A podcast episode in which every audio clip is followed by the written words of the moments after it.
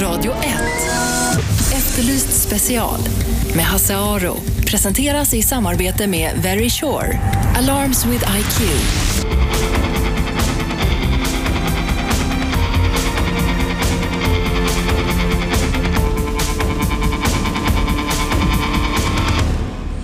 Välkomna till Efterlyst special. Eh, Hasse Aro heter jag som sagt. Eh, Radio 101,9 lyssnar ni på. Vi ska prata om eh, en hel del saker idag, men vi ska börja med mord. Trädmord. Det här är en relativt ny företeelse i Stockholm. Och I veckan upptäcktes två stycken nya mord eller mordförsök. Det gäller ett par pilar i Lumaområdet, Hammarby sjöstad. Eh, eh, och den som berättade det för mig det var Ulla Hamilton som är trafikborgarråd bland annat i Stockholm. Hur fick du reda på det? Jag fick ett mejl från eh, den tjänstemannen som är ansvarig på eh, stadsdelsnämnden i Södermalm för träden. Eh, Mm. Hur hade han upptäckt det? Stod det något om det? Eh, nej, det vet jag faktiskt inte. Hur han, jag kommer Nej. inte ihåg det i varje fall. Det här är då, om jag räknar rätt, den fjärde attacken mot träd i Stockholm.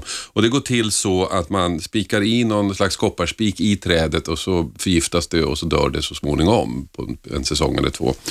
Första gången det här skedde som det upptäcktes, det var i juni förra året. Sex pilträd på Norrmära strand som hade fått eh, uh, sådana här kopparspikar i huggna eh, i september samma år, alltså förra året, tio pilträd på Sickla udde. Och eh, maj eh, i år då, bara för någon månad sedan knappt, eh, två häggar på Katarinavägen upptäcktes då eh, har fått sådana här spikar i sig. Och nu den här veckan alltså ett par pilar, Lumaområdet, Hammarby sjöstad. Så det är rätt många träd vi pratar om eh, som, som eh, blir attackerade. Och det här är frågan Ulla, är det här då Ulla Hamilton sitter alltså i studion eh, som är politiskt ansvarig för träden i Stockholm, kan man säga så? Ja, det kan man få säga. Trafik och arbetsmarknadsroten har hand om träden. Alltså, eh, det här har man aldrig hört talas om förut. Beror det på att det inte skett förut eller att man inte riktigt kollat? Eh, jag tror att det är en ganska ny företeelse för att eh, Trafikkontorets trädexperter har väldigt bra koll på träden så att de skulle ha märkt detta tidigare. Mm. Men nu när träd dör eller vissnar, blir det någon slags eh, rutin nu att kolla av trädet? För jag kan tänka mig att en del av de här spikarna kan man ju spika in lite på ett litet eh, sätt så det inte syns alldeles uppenbart. Ja, nej men alltså, trädkon, trädexperterna på Trafikkontoret och även de som jobbar med de här frågorna på stadsdelsnämnderna har rätt bra koll på träden så att de upptäcker det eh, ganska fort. Men sen eh, är det ju också viktigt att allmänheten hjälper till i det här sammanhanget för att uppmärksamma om träden ser eh, ut som om de inte är så friska. Man kan ju tänka sig att det finns två motiv för det här. Antingen är det någon galen trädseriemördare som går runt och spikar in eh, kopparspik i träden och det tror vi inte på. Eller också är det någon som eh, tycker att trädet står i vägen för han eller honom och det väl verkar väl troligast. Ja, det är väl troligast. Vi hade ju faktiskt ett fall tidigare som var mer avancerat än att man försöker långsamt ta död på dem och det var ju det här fallet i Nockeby som var för två år sedan ungefär, där man helt enkelt kapade ner eh, hundraåriga tallar för att få en bättre utsikt. Eh, I det fallet hade ju den här personen som beställt den nedtagningen utav kommunens träd lagt lappar i grannarnas brevlådor så att då var det lite enklare att eh, och eh, få tag på den personen. Och det är ju också en, ett skadeståndsfall som fortfarande pågår. Men, men, eh, och det handlar ju väldigt tydligt om utsikten och det är väl troligt att det har gjort det i de här andra fallen också. Så man kan, om man ska prata polisspråk, de misstänkta finns i omedelbar närhet till gärningen, kan man väl tro. Det är väl ganska troligt, ja. Geografisk sån här profilering. Eh, men vad, den här killen då som sågade ner ekarna, vad blir det för straff? Skadestånd? Man får betala för träd, men vad kostar ett träd? Eh, när det gäller tallar som det var då, eh, i Nockeby så har vi ju krävt 2,5 miljon. Oj, Eh, och, hur eh, motiverar ni det? det är återställande utav, eh, eh, det, det är ju eh, ja, helt enkelt att det, man ska betala det som det kostar att återställa trä, eh, träden. Eh, och vi har ju också i- från Trafikkontorets sida sett, eller Trafiknämnden har ju fattat ett beslut om att vi ska ta fram en värderingsmodell som då Just det. baseras på just det här fallet. Eh, och där handlar det ju om, precis som i alla andra skadeståndssammanhang, så att säga, att eh, återställa det som, eh, eh, det som har skadats. Mm. En Stockholmsmodell pratar ni om. Ja. Vad skulle det innebära då menar du? Det innebär att dels att man naturligtvis polisanmäler omedelbart och eh, sen att man ska återplantera och att man ska, eh, eh, vid, när man hittar om man hittar de som har gjort de här eh, missgreppen på träden så ska de åtalas och bli skadeståndsskyldiga. De här nyplanteringen till exempel, eller återplanteringen av pilträden i Norr Mälarstrand handlade ju om eh, dryga miljonen som det kostar att, att göra detta. Jag tror inte att folk som, som gör det här kanske är medvetna om den kostnaden och att det, att det kan bli så dyrt. Nej, det tror inte jag heller. Eh, för att, och där, det var sex träd på Norr Mälarstrand, mm. det var. Mm. och där en miljon alltså. Ja. Sen tar, men det tar ju tid innan de växer upp. Ja, nu hade vi ju turen att vi hittade, eller trafikkontoret hittade då ganska eh, gamla pilar så att säga, okay. som man kunde plantera där. Det finns ju eh, sådana typer av trädgårdsplanteringar eller odlingar i södra Tyskland som man kan köpa ifrån. Mm -hmm. Det är därför det blir dyrt? Ja, bland annat. Men sen är det ju också mycket omfattande arbeten med att plantera sånt där och ta bort. Och... Mm. Ni lyssnar alltså på Efterlyst direkt. Eh, här pratar vi vanligtvis eh, eh, brott, brott och straff, juridik. Idag pratar vi om mord. Det kallas så, trädmord. Det är en ny företeelse i Stockholmsregionen. Eh, det började förra året med sex pilträd på Norr Mälarstrand. Sen var det tio träd i, på Sickla udde. Nu i år i maj eh, två häggar på Katarinavägen och eh, nu senast i veckan ett par pilar på Luma-området på Hammarby sjöstad. Och tillvägagångssättet är eh, alltid detsamma. Den som gör det spikar i en spik, en kopparspik eller något som gör att eh, trädet långsamt eh, eh, mm, eh förgiftas helt enkelt och dör. Frågan är vad man ska göra åt det här, Ulla Hamilton som är här eh, politiskt ansvarig för träden i Stockholm. Jag menar, det, ni, har, ni, ni, ska då göra en Stockholmsmodell och den som åker dit får betala dyrt. Vi pratar om miljoner. Men hur ska man kom, få fast dem? Det är, där, det är det som är problemet. Ja, och det kan ju aldrig trafikkontoret ensamt hantera, utan där behövs det ju hjälp från alla. Mm. Eh, som rör sig på gatorna och, och torgen i Stockholm. Eh, och vi vet ju att stockholmarna älskar träden så att, eh, och därför så har jag vid flera tillfällen bett om hjälp i det här sammanhanget. För vi behöver ha många ögon eh, mm. på stan för att kunna beivra detta. Men om man nu ser något, ska ni inte, ska ni inte inrätta en tipstelefon? Det gör polisen ibland i akuta fall. Ja, det kan man göra. Det är väl ingen dum idé man ringa in. Du som har synpunkter på träd, vad ska vi göra åt trädmördarna i Stockholm? Hur ska vi skydda träden i Stockholm? Ring gärna in 0200 11 12 13. 0200 11 12 13 är telefonnumret hit till Efterlyst special där vi pratar om trädmorden i Stockholm. Har du hört någonting om det här skulle förekomma i andra städer, städer i Stockholm? Eh, jag vet att man har tagit ner, eller Göteborg har funnits några mm. exempel också som jag har sett i media. Ja, för vi researchade lite här och då, där i Göteborg, men där var ju mera klumpiga metoder, jag förstår inte de här spikarna. Ja, nej. Det är mera raffinerat här. Är det lite olyckligt att media så detaljerat berättat hur man gör? Ja, det är ju både för och nackdelar naturligtvis. Eh, eh, det finns ju alltid en risk eh, att man kompetensutvecklar i det här sammanhanget. Ja. Så att det är flera som får samma dumma idéer. Ja, jag visste inte hur man gjorde innan jag läste det. Jag visste inte att det var så lätt. Men du ska inte använda det Hasse? Jag ska inte använda jag, Där jag bor så, jag bor ganska högt upp så jag har inga träd i vägen och det skulle vara mig, i övrigt vara mig helt främmande att göra värn på stadens eh, egendom. Och de träd som jag hade på landet som jag inte gillade, de, de högg jag ner helt enkelt. Ja, fast det var dina egna? Det var mina egna träd och de har jag nu, det var några år sedan och de har jag nu eldat upp återanvänt helt enkelt. 0200 11 12 13 är telefonnumret. Vi pratar om trädmorden i Stockholm efter special. Vad ska man göra åt trädmorden? Har du några förslag hur man ska stoppa det här? Finns det några bra idéer? Ring oss 0200 11 12 13 eller om du bara tycker någonting om trädmorden så får du gärna höra av dig. I studion så sitter jag och Hasaro. Med mig har jag trafik och arbetsmarknadsborgarrådet Ulla Hamilton, moderat, som är den som är ansvarig för träden i Stockholm. Och hallå, vem har vi där? Kjell-Åke. Hej Kjell-Åke. Jo, ni är intresserade av träd. Ja. Frågan är om man inte kan kolla träd som man gillar och vill skydda med metalldetektor. Men vad heter det? Metalldetektor. Metalldetektor, ja. Får man signal att det finns metall inne i en trädstam, då, då är det något skumt alltså. Ja, men är det inte för sent då? Nej, det är för sent om man väntar sex månader efter att de har spikat i. Men man kan ju alltså helt enkelt kolla sina träd i förebyggande syfte. Du menar att man, eh, man ska gå runt och kolla på träd som är attraktiva på något sätt? Ja, Som man, som man tror kan vara utsatta? man kan ha så att säga, en ny sorts trädkramare som är utrustad med metalldetektorer. En metalldetektor är inte dyr. Nej.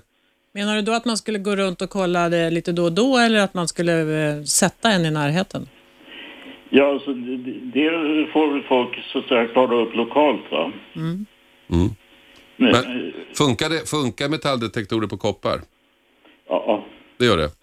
Okej, Kjell-Åke, tack för det tipset. Vem har vi där? Hallå? Tjena, Christian här. Hej Christian. Vad säger du? Nu, nej, alltså jag är så här... Jag är ju för träden. Jag tycker självklart vi ska ha träd i innerstan. Men jag är lite frågande gentemot värderingen faktiskt. Jaha. Du menar den ekonomiska värderingen att det skulle kosta en miljon att plantera, nyplantera eller eh, sex träd?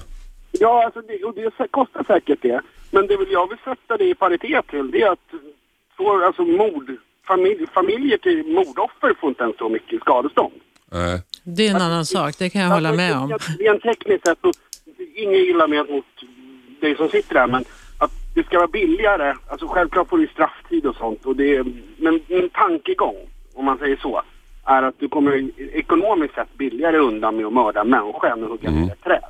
Ja, det, det har du ju rätt i för att mörda människor kostar faktiskt väldigt lite i Sverige men det är inte riktigt samma eh, ansvar, det är inte samma bord som politiker brukar säga.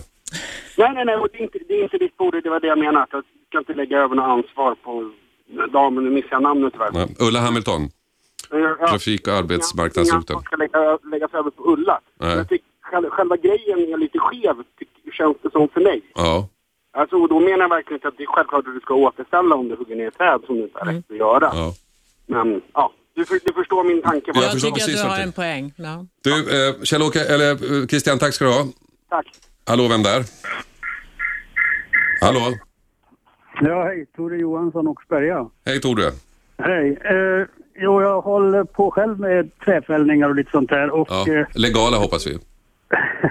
det finns eh, firmor som säljer ved Ja, och sätter upp en massa jävla orangea skyltar som de skruvar fast med grabberskruvar och eh, dylikt i träden runt om. I alla fall här i Östers kommun finns det säkert, ja jag har nog sett ett 30-40-tal sådana här skyltar som sitter uppskruvade på och grabberskruvar menar du, det, det är alltså skruvar som, det är sådana här skruvar vi pratar om? Ja, ja, just det, ja. Och ja, nu vet ja, och de skruvar om i, i, i träden runt om här på ja, både kommunens träd och privatas träd och, och på, ja vad fan, överallt. Ja, Men det här är ganska intressant när du säger, därför att um, um, nu när vi pratar om trädmord Ulla så utgår vi från att det finns ett uppsåt. Förlåt? Ja, det, Ja, men vi utgår det, ifrån, de det- träden vi pratar om i Stockholm utgår vi från att någon faktiskt velat haft ihjäl. Och, men det du pratar om är ju mer att man är klantig och det blir... Ja, ja, det är just det. Ja, ja, vi, vi bedömer, jag jobbar ju åt kommunen här som trädfällare också och eh, vi anser ju att det är skadegörelse överhuvudtaget och det, det, det är ju skadar ju träden på sikt Ja. plus att man någon gång ska fälla de här träden och sågar i de här träden Mm. och eh, förstör Men du, du, du som jobbar med sånt här, får jag bara ställa en snabb fråga här innan reklamen. Om man spikar i en sån här spik i träd, hur lång tid tar det innan trädet så att säga är oåterkalleligen eh, dödsdömt? Ja, med kopparspikar, det, det vet jag. Det tar, ju, det tar ju ett tag. För vi har också råkat ut för det här med träd, trädmördare här i Oxberga på ett par ställen. va. Och jag hittade rab, grabb, eller såna här Roundup-pluggar har vi hittat och jag har sågat ner träd då, som har blivit angripna. Mm, för min, eh, min tanke är att om man, om man som medborgare går ut och ser att det, det finns ett spikigt träd, då kan det finnas poäng att dra ut det alltså. Ja, ja, ja, om man ser det, ja, om man ser dem, ja, men det, som, som det här nu med kopparstick, det tar ju ett tag innan.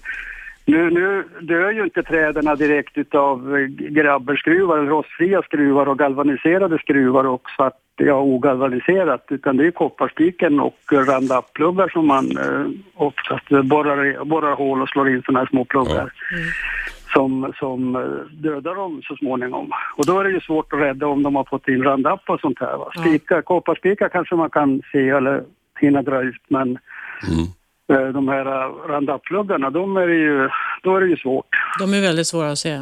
Du, eh, Tore, tack för att du ringde. Vi måste ta en paus här eh, ja, och fortsätta ja. Tack efter bra pausen. Tack själv. Efter pausen då vi pratar med um, Ulla Hamilton på Trafik och arbetsmarknadsroten i Stockholm om trädmorden som sker i vår stad. Nu senast i veckan ett par pilar i Luma-området eh, har blivit drabbade. Vi ska fortsätta prata efter pausen. Jag är intresserad av vad ni tycker. Ring in 0200 11 12 13. 0200 11 12 13. Jag tar samtal under pausen. Radio 1. Efterlyst special med Hasse Aro. Presenteras i samarbete med Very Sure. Alarms with IQ.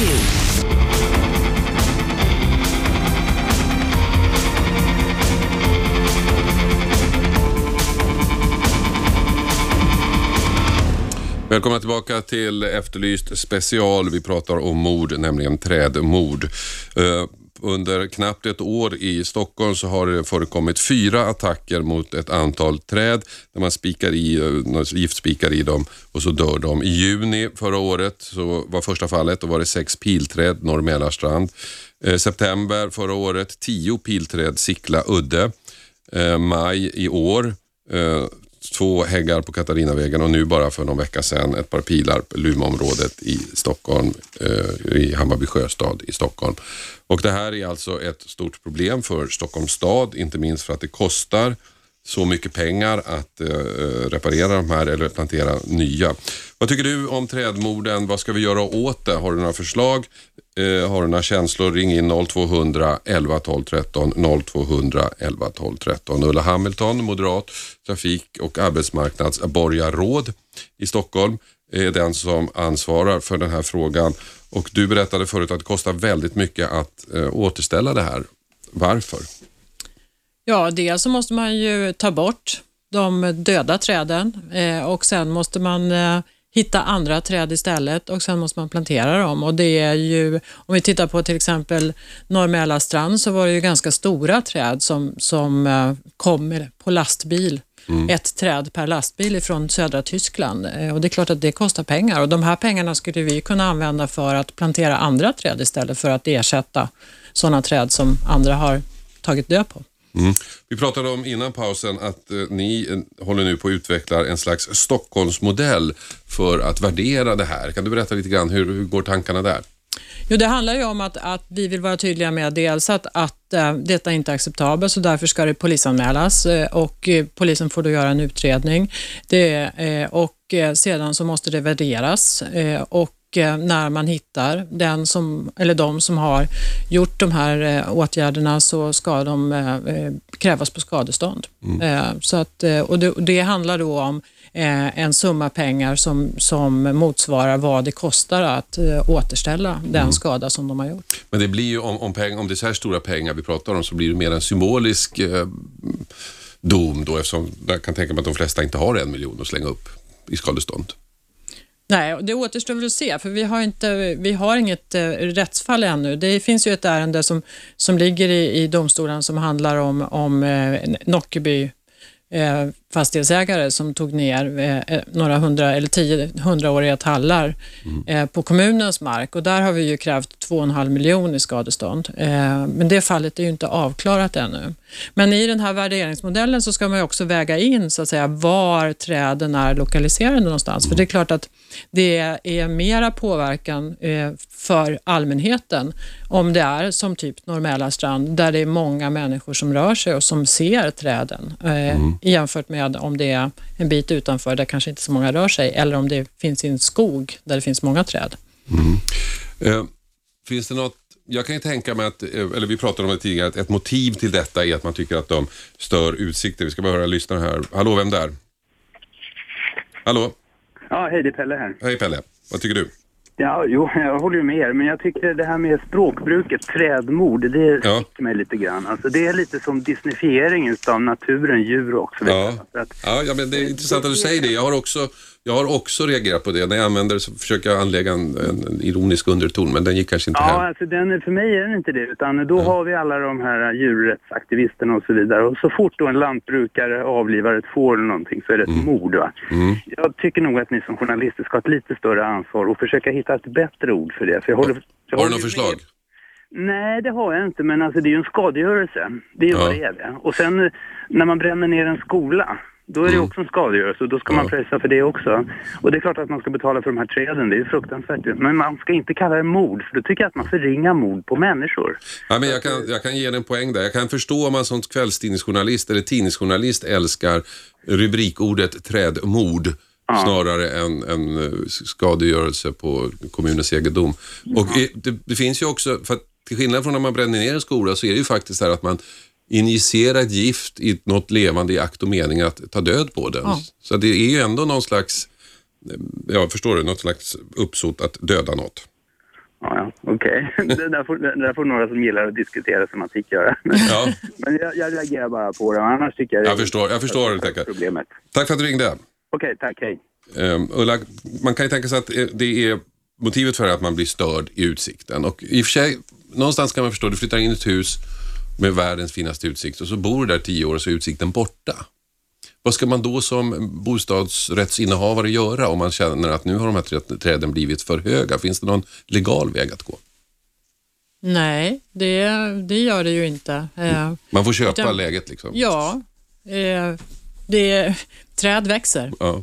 Eh, och ska få växa, skulle jag säga. Även om man naturligtvis ansar dem så, så att de håller sig inom ramarna så att man kommer fram under dem och så. Men, men det är så. Vi har ju en väldigt tydlig ambition från majoritetens sida i Stadshuset att vi ska ha många mer träd i Stockholm. Och det finns ju många skäl till det. Dels är det ju fantastiskt den här tiden på året när man ser alla blommande och grönskande träd runt om. Men sen ut- utifrån ett klimatperspektiv så är det också bra med träd. När vi räknar med att det ska bli varmare somrar till exempel så behöver vi eh, svala platser och där då träden kan erbjuda detta. Mm. Och till sist, en sista fråga. Eh, Ja, när jag berättade om, för min omgivning om att vi skulle ta upp det här ämnet idag, att du skulle komma, så sa de, va, hon, hon som tog död på TV-eken. Ja, den var ju död, det var ju det som var problemet. Ja. Eh, Så att eh, eh, det är ju en helt annan fråga. Den, var ju, trafikkontorets trafikexperter där gjorde ju bedömningen att den hade inte klarat en svår storm.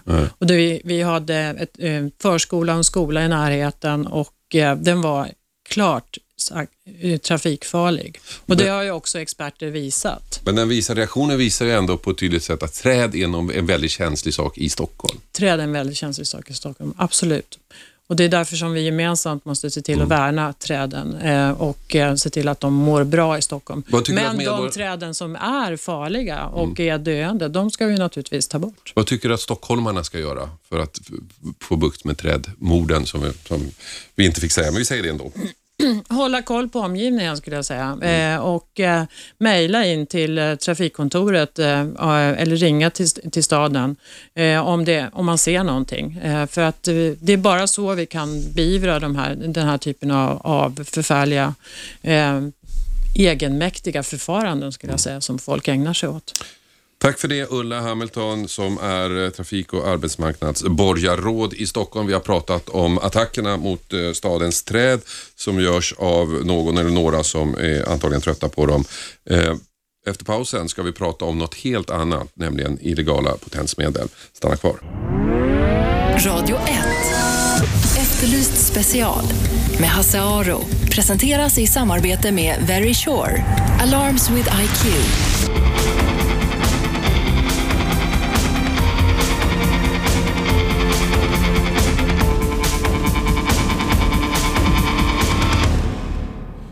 Välkomna tillbaka, Efterlyst special. Den illegala försäljning av läkemedel och då framförallt potensmedel som eh, Viagra slår rekord i Sverige. Omsättningen ökar lavinartat och på Läkemedelsverket så eh, eh, räknar man med att den illegala handeln omsätter 900 miljoner kronor om året. Och det kan man kanske förstå när man ser på hur kalkylen ser ut. Enligt Dagens Nyheter så kostar en piratimporterad Viagra cirka 4 kronor att köpa in och så säljer man den för 100 kronor och det motsvarar 2400 procents vinstpåslag. Och vad är risken då när man åker dit? Jo, det är brott mot läkemedelslagen, man får böter eller fängelse högst ett år. Om man däremot eh, säljer kokain så kostar det den kostar 500 kronor för 100 gram och så säljer man den för, 100, eh, för 1000 kronor. Det är alltså vinstpåslag på 100 procent jämfört med 2400 procent på Viagran. Och där riskerar man då ända upp till 10 års fängelse. Så man kan ju förstå att de här pillerna, de här illegala Viagrorna och andra potensmedel drar på sig uppmärksamhet från kriminella. Och enligt uppgifter då i DN så har också den organiserade brottsligheten i Sverige börjat intressera sig för det här, Hells Angels till exempel. Samtidigt så minskar tullens beslag av illegala eh, tabletter. 2009 så eh, tog man 22 000, förra året så var det 13 000. Jonas Karlsson, du är sakkunnig på tullen. Hur kommer det, kommer det sig att ni eh, tar allt färre? Det har ju med eh, lagtekniska problem att göra. Eh, 2009 så kom de flesta av de här pillerna eh, direkt från eh, icke-EU-land så att säga och mm. då, eh, då agerar vi för då har vi rätt att agera. Men eh, sen har man på senare tid lärt sig att man så kallar, som vi kallar för reparceling eller remailing, att man landar in de här preparaten någonstans i Europa, företrädesvis som vi märker England mm. paketeras om och får EU-status och då är vi Tullverket handfallna. Vi har inga möjligheter att agera. Men eh, det, jag förstår inte riktigt det där. Eh, ni, alltså när det kommer ett paket som är avstämplat i EU, mm. då kan inte ni göra någonting åt Får ni inte öppna de paketen?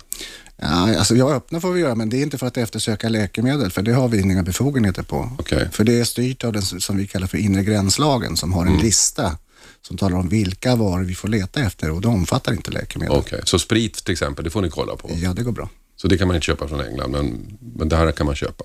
Ja, hade det varit narkotiskt läkemedel, då går det bra, för den finns med på listan, men inte läkemedel. Men om ni av något, något annat skäl upptäcker att det är då Viagra i, i, i, eller något annat potensmedel eller läkemedel i det här paketet, det har gått sönder till exempel, får ni agera då? Nej.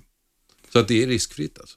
Ja, alltså det vi kan göra och det har ju blivit av, av hävd har blivit så att det ska vara större kvantiteter. Då kan vi meddela Läkemedelsverket och sen får de agera gentemot polisen och göra en anmälan för, okay. som du just nämnde, läkemedelslag. För ni, ni, tog ju ändå 13 000 förra året. Är det stora, stora kvantiteter? Nej, inte i det stora hela. Vi ser ju, det här kommer alltså i princip varje dag. Men de som ni tar, det är det större kvantiteter, ja. det är därför ni kan gå in? Ja, alltså det, de vi tar, det är de som har tredje landstatus. De ja. kan vi ta. Jaha, okej. Okay. Ja. Men då undrar man ju, um, de, de kom ju in till EU någonstans och du säger England. Mm. Hur kommer det sig att de kan passera engelsk tull? Ja, det undrar vi också. Men eh, uppenbart är det så att det sker så. För vi har identifierat att det kommer Heathrow, Birmingham, olika ställen där det landas in. Eh, man paketerar om det helt enkelt bara och sätter på en ny label, alltså en ny etikett. Och sen så har EU-status. Så det, det har man lärt sig att då står vi noll där. Men, de, men det kommer alltså med flyg, så det är inte så här eh, piratbåtar som lastar i natten och sånt där, eller lossar Nej. i natten? Nej, det kommer, det kommer i, fly, i frakten på flyget så att det är egentligen bara Arlanda och Toftanäs i Malmö som vi hittar de här preparaten. Mm. Men det låter ju som det någonstans är fel i systemet. Ja, det är, det är klart. Eller hål det, i systemet. Ja, men det är så här att systemet hänger inte alltid med, utan det här är ett hål i systemet som du sa och det är det som vi försöker täppa till nu. Hur ska man göra?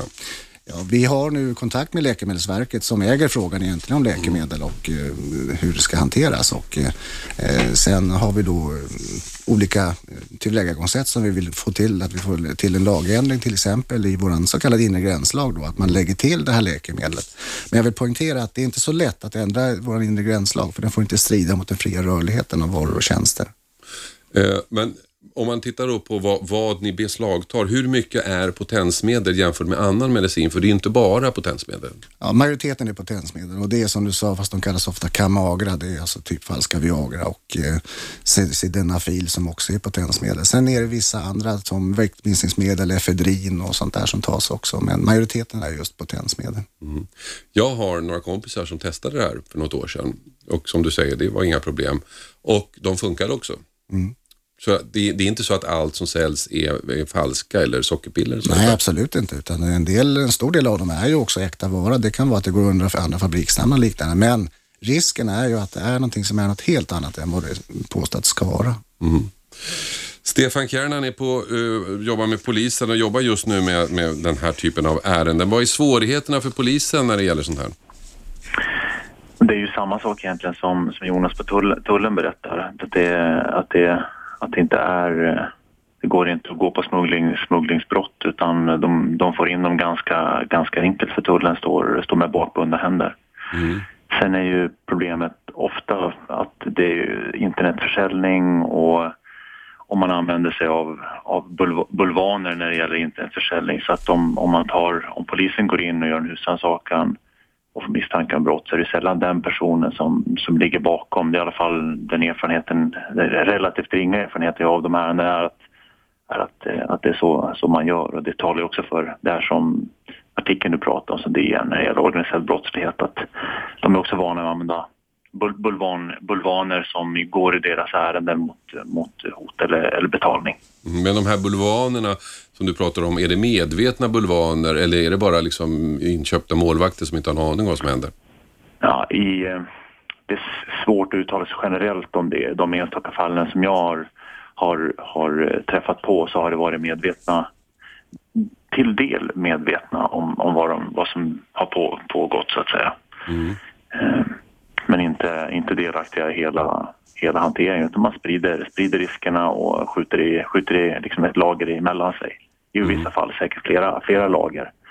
Det har varit svårt att se i de, de få ärenden jag, jag har arbetat med.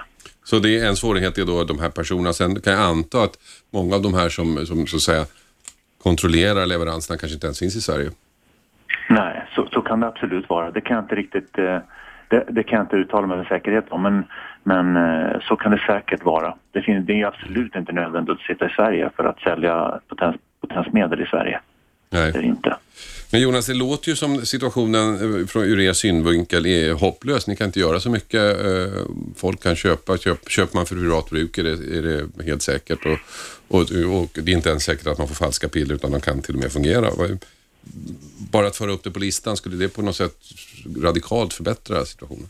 Ja, det innebär ju att vi har ju möjligheter att agera. Vi kan ta ett exempel att vi har ju tidigare haft problem med samma typ av införsel av ett läkemedel som heter Tramadol. En värktablett och som det var ett undantag för att om den underhöll, un, understeg en viss mängd med, med preparatet så var det inte narkotiskt. Och det flödade in över gränserna och där kom det nu till en ändring i mars som gjorde att den blev narkotikaklassad och vips så kunde vi ta alla de försändelserna i beslag. Mm.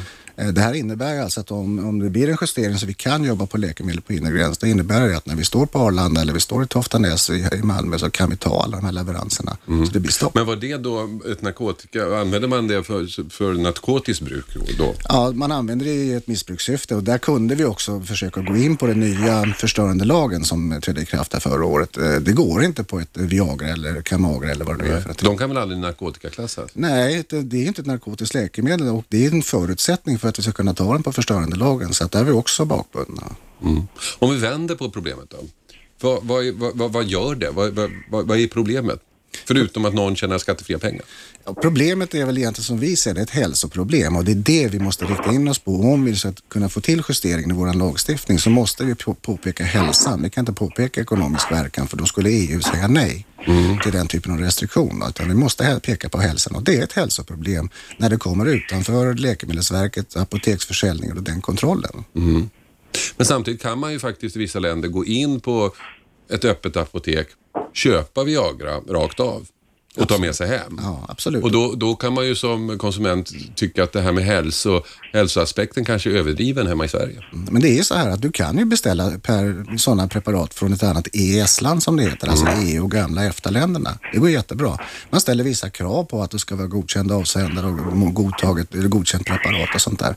Men det är det man kringgår här genom att man kommer från tredje land med det här där det är betydligt mycket billigare och du har heller inte någon godkänd läkare som har skrivit ut dem utan det sitter någon figur någonstans som, som vi har påträffat från Panama City. sitter en läkare och skriver ut det här officiellt. Då. Det är det som är problemet. Stefan på polisen, eh, när ni då utreder ett sånt här ärende, vad är det för brott ni utreder egentligen? Ja, det är, bra. Det är ju försäljning, alltså illegal försäljning av läkemedel och eh, alltså handel med läkemedel och, eh, och brott mot läkemedelslagen. Och, och det är ju i sammanhanget bro- brott som inte ger så mycket eh, Ja, straff. i vissa fall. I vissa fall. Man kan ju se, som, som eh, Jonas berättar, just det här mail eh, parcelings problemet är att, att, eh, att det är ju ett smugglingsbrott någonstans som man skulle vilja kunna utreda. Men de kringgår ju det genom att, att skicka det till, till, för, till, eh, till England då, till exempel. eh, Använder stora postströmmar från, från, från Indien där det är massor med post eh, som går till England och, och paktar om det där och kör det in, till, in, in i EU den vägen. Och det gör ju att det, det, det, som lagstiftningen ser ut nu så kan man komma åt dem den vägen. Jag, Okej. måste bara, jag måste bara kommentera det Jonas, eh, vidareutveckla det Jonas sa också när det gäller Ja, hälsoaspekten. Alltså i de utredningar som jag, jag har tittat på så är det ju piratkopierade till exempel Viagra och det är, det är andra, andra potensmedel som visserligen i ganska många fall innehåller den här aktiva substansen. Men eh, läkemedelskontrollen med tillverkningen av de här preparaten är ju noll och, och ingen. Mm. Eh, så att, eh, ja, även om de ser ut att verkligen och i vissa fall fungerar så är det viktigt att man ändå påpekar risken man utsätter sig för om man, om man beställer. För det finns ju ingen som har varit med och haft en insyn i tillverkningen av de här tabletterna.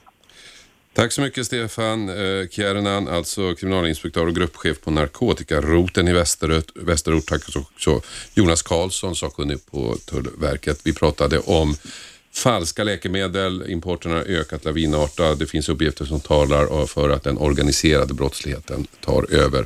Efter pausen ska vi prata om Thomas Quick för enligt uppgifter så ska justitiekanslern utreda hela Quick-ärendet men det förnekar hon när jag ringde upp henne tidigare idag. Så lyssna på det efter pausen. Åsikter. Radio 1. Efterlyst special med Hasse Aro. Presenteras i samarbete med Very Sure. Alarms with IQ.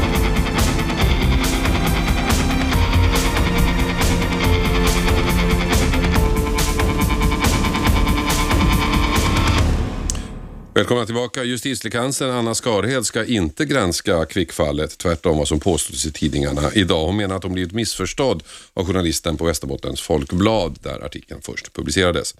Thomas Quick har ju nu beviljats resning för ytterligare två mord han dömts om. Han har tidigare fått resning för tre och friats i samtliga. Det innebär att sammanlagt fem av de åtta mord han döms för ska eller har granskats och allt talar för att han kommer att frias i samtliga fall och även för de sista tre antagligen. Så här, det kanske inte var så förvånande att tro att, justitie, justitiekanslern kunde se att det fanns utrymme för en granskning här. Åtta mord där mördaren går fri, åtta mord där familjerna nu kastas ut i ovisshet, åtta mord som aldrig kommer att klaras upp. Men JK Anna Skarin menar att en granskning nog inte är aktuell.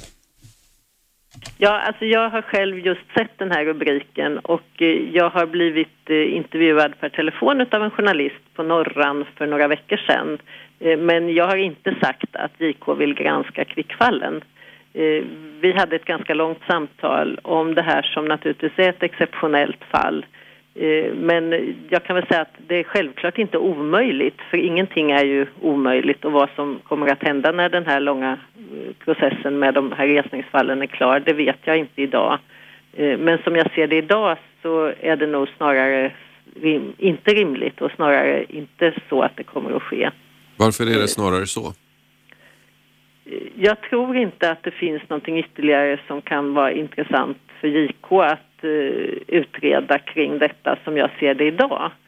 Eh, men då är jag ju tillbaka i, och det är väl kanske det som eh, har gjort att vi har missförstått varandra, den här journalisten och jag, att, att eh, samtidigt så ska man ju alltid säga att man, man ska aldrig vara för säker, utan jag måste naturligtvis följa detta som andra ärenden som pågår och så småningom dra min slutsats. Men det viktiga att säga nu är ju att, att JK skulle idag dra en, liksom ha en bestämd uppfattning om detta, det vore ju snarast tjänstefel skulle jag säga.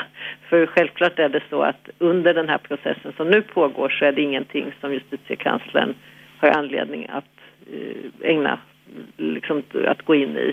Eh, men när den här processen väl är avslutad, eh, då är det ju naturligtvis en öppen fråga om det skulle finnas anledning att, att se på någonting mera. Men som jag bedömer det idag så är det inte omöjligt återigen, men det är inte sannolikt. Det finns de som hävdar att det här är den största rättsskandalen i modern tid. Ja, det är alltid farligt med de där överorden tycker jag. Och jag skulle väl snarare vilja beskriva det här som att det är ett väldigt exceptionellt och framförallt ett väldigt tragiskt fall. Eh, där ju inte minst och alldeles särskilt tycker jag de anhöriga till de personer här som har eh, eh, dagar att de har drabbats hårt både i den inledande men att de nu återigen drabbas. Och det är väldigt beklagligt och naturligtvis oerhört sorgligt och tragiskt. Mm. Men uh, det, den intressanta frågan är naturligtvis om det, om det finns någon slags systemfel i, i rättssystemet som har gjort mm. det här möjligt. Och det är ju min uppfattning att det inte är. Och då säger jag återigen det utifrån det som så säga, jag idag vet här och det jag har sett. Jag, jag, anser inte att detta handlar om ett systemfel utan jag anser att det handlar om ett unikt, eh, eller unika mål eh, och en unik händelsekedja här som eh, handlar om att det är väldigt många som har gjort och dragit slutsatser under vägen som man naturligtvis idag nu då med rätta kan ifrågasätta. Och det kan vara lätt att i efterhand eh, kritisera eller liksom peka finger. Men eh, jag, jag, menar att här finns det väldigt många som har varit inblandade eh, och det här handlar återigen om att det just är ett så exceptionellt fall. Så jag skulle ju inte vilja kalla det för den största rättsskandalen. Men eh, vem ska då garantera att det här inte sker igen? Vem, vem bär så att säga ansvaret för att kontrollera vad som gick snett här i det här fallet och, och uh, se till så att det inte händer igen? Jag tror, jag tror inte man kan riktigt eh, liksom säga på det sättet för här är det naturligtvis många som har en del i ansvaret för vad som har inträffat men eh, jag tror också att många som har varit inblandade i detta är, har ju nu ja, just den erfarenheten med sig i fortsättningen. Eh, men att det skulle finnas någon lösning på hur vi aldrig skulle göra fel i domstol eller hos polis eller hos åklagare. Någon sån lösning finns ju inte utan det handlar ju om att, att var och en får uh, verkligen försöka ta sitt ansvar i de här ofta väldigt svåra avvägningarna och processerna. Uh, och att för framtiden så är det här en lärdom Eh, det som har hänt. Men någon garanti för att det inte blir fel igen, eh, det kan vi ju inte ge. Alltså det, det är liksom inte mänskligt möjligt. Så alltså justitiekanslern Anna Skarhed, det finns inga systemfel i rättsapparaten säger hon. Och jag kan ju tycka att det här är lite märkligt. Här har vi alltså en man, Thomas Quick, som inte ens kan blotta sig för småpojkar utan att åka fast för att citera Leif GW, men som lyckas lura hela rättssystemet. Polis, åklagare, sin egen försvarsadvokat och domstolarna att han skulle vara den värsta seriemördare som Sverige, ja kanske Europa har sett. Här alltså har vi en person som lyckats snurra upp hela rättsapparaten och det tycker jag är mer än bara olyckligt. Kvickärendet skakar om förtroendet, hela förtroendet och det finns faktiskt, tycker jag, all anledning att fråga sig sig hur kunde det här ske och hur ska det undvikas? Och alla de som är ansvariga för skandalen de jobbar på som ingenting har hänt och hoppas att ingen ska ställa för besvärande frågor. Domstolen har inget intresse att granska sig själva, så vem ska undersöka vad som gick snett? Vi borde ha en myndighet, tycker jag, en självständig myndighet som hade som jobb att göra sånt, att undersöka vad som går fel när systemet havererat. Ja, visst ja, vi har ju en sån myndighet. Justitiekanslern heter den. Vi ses imorgon. 101,9 Radio 1 Sveriges nya pratradio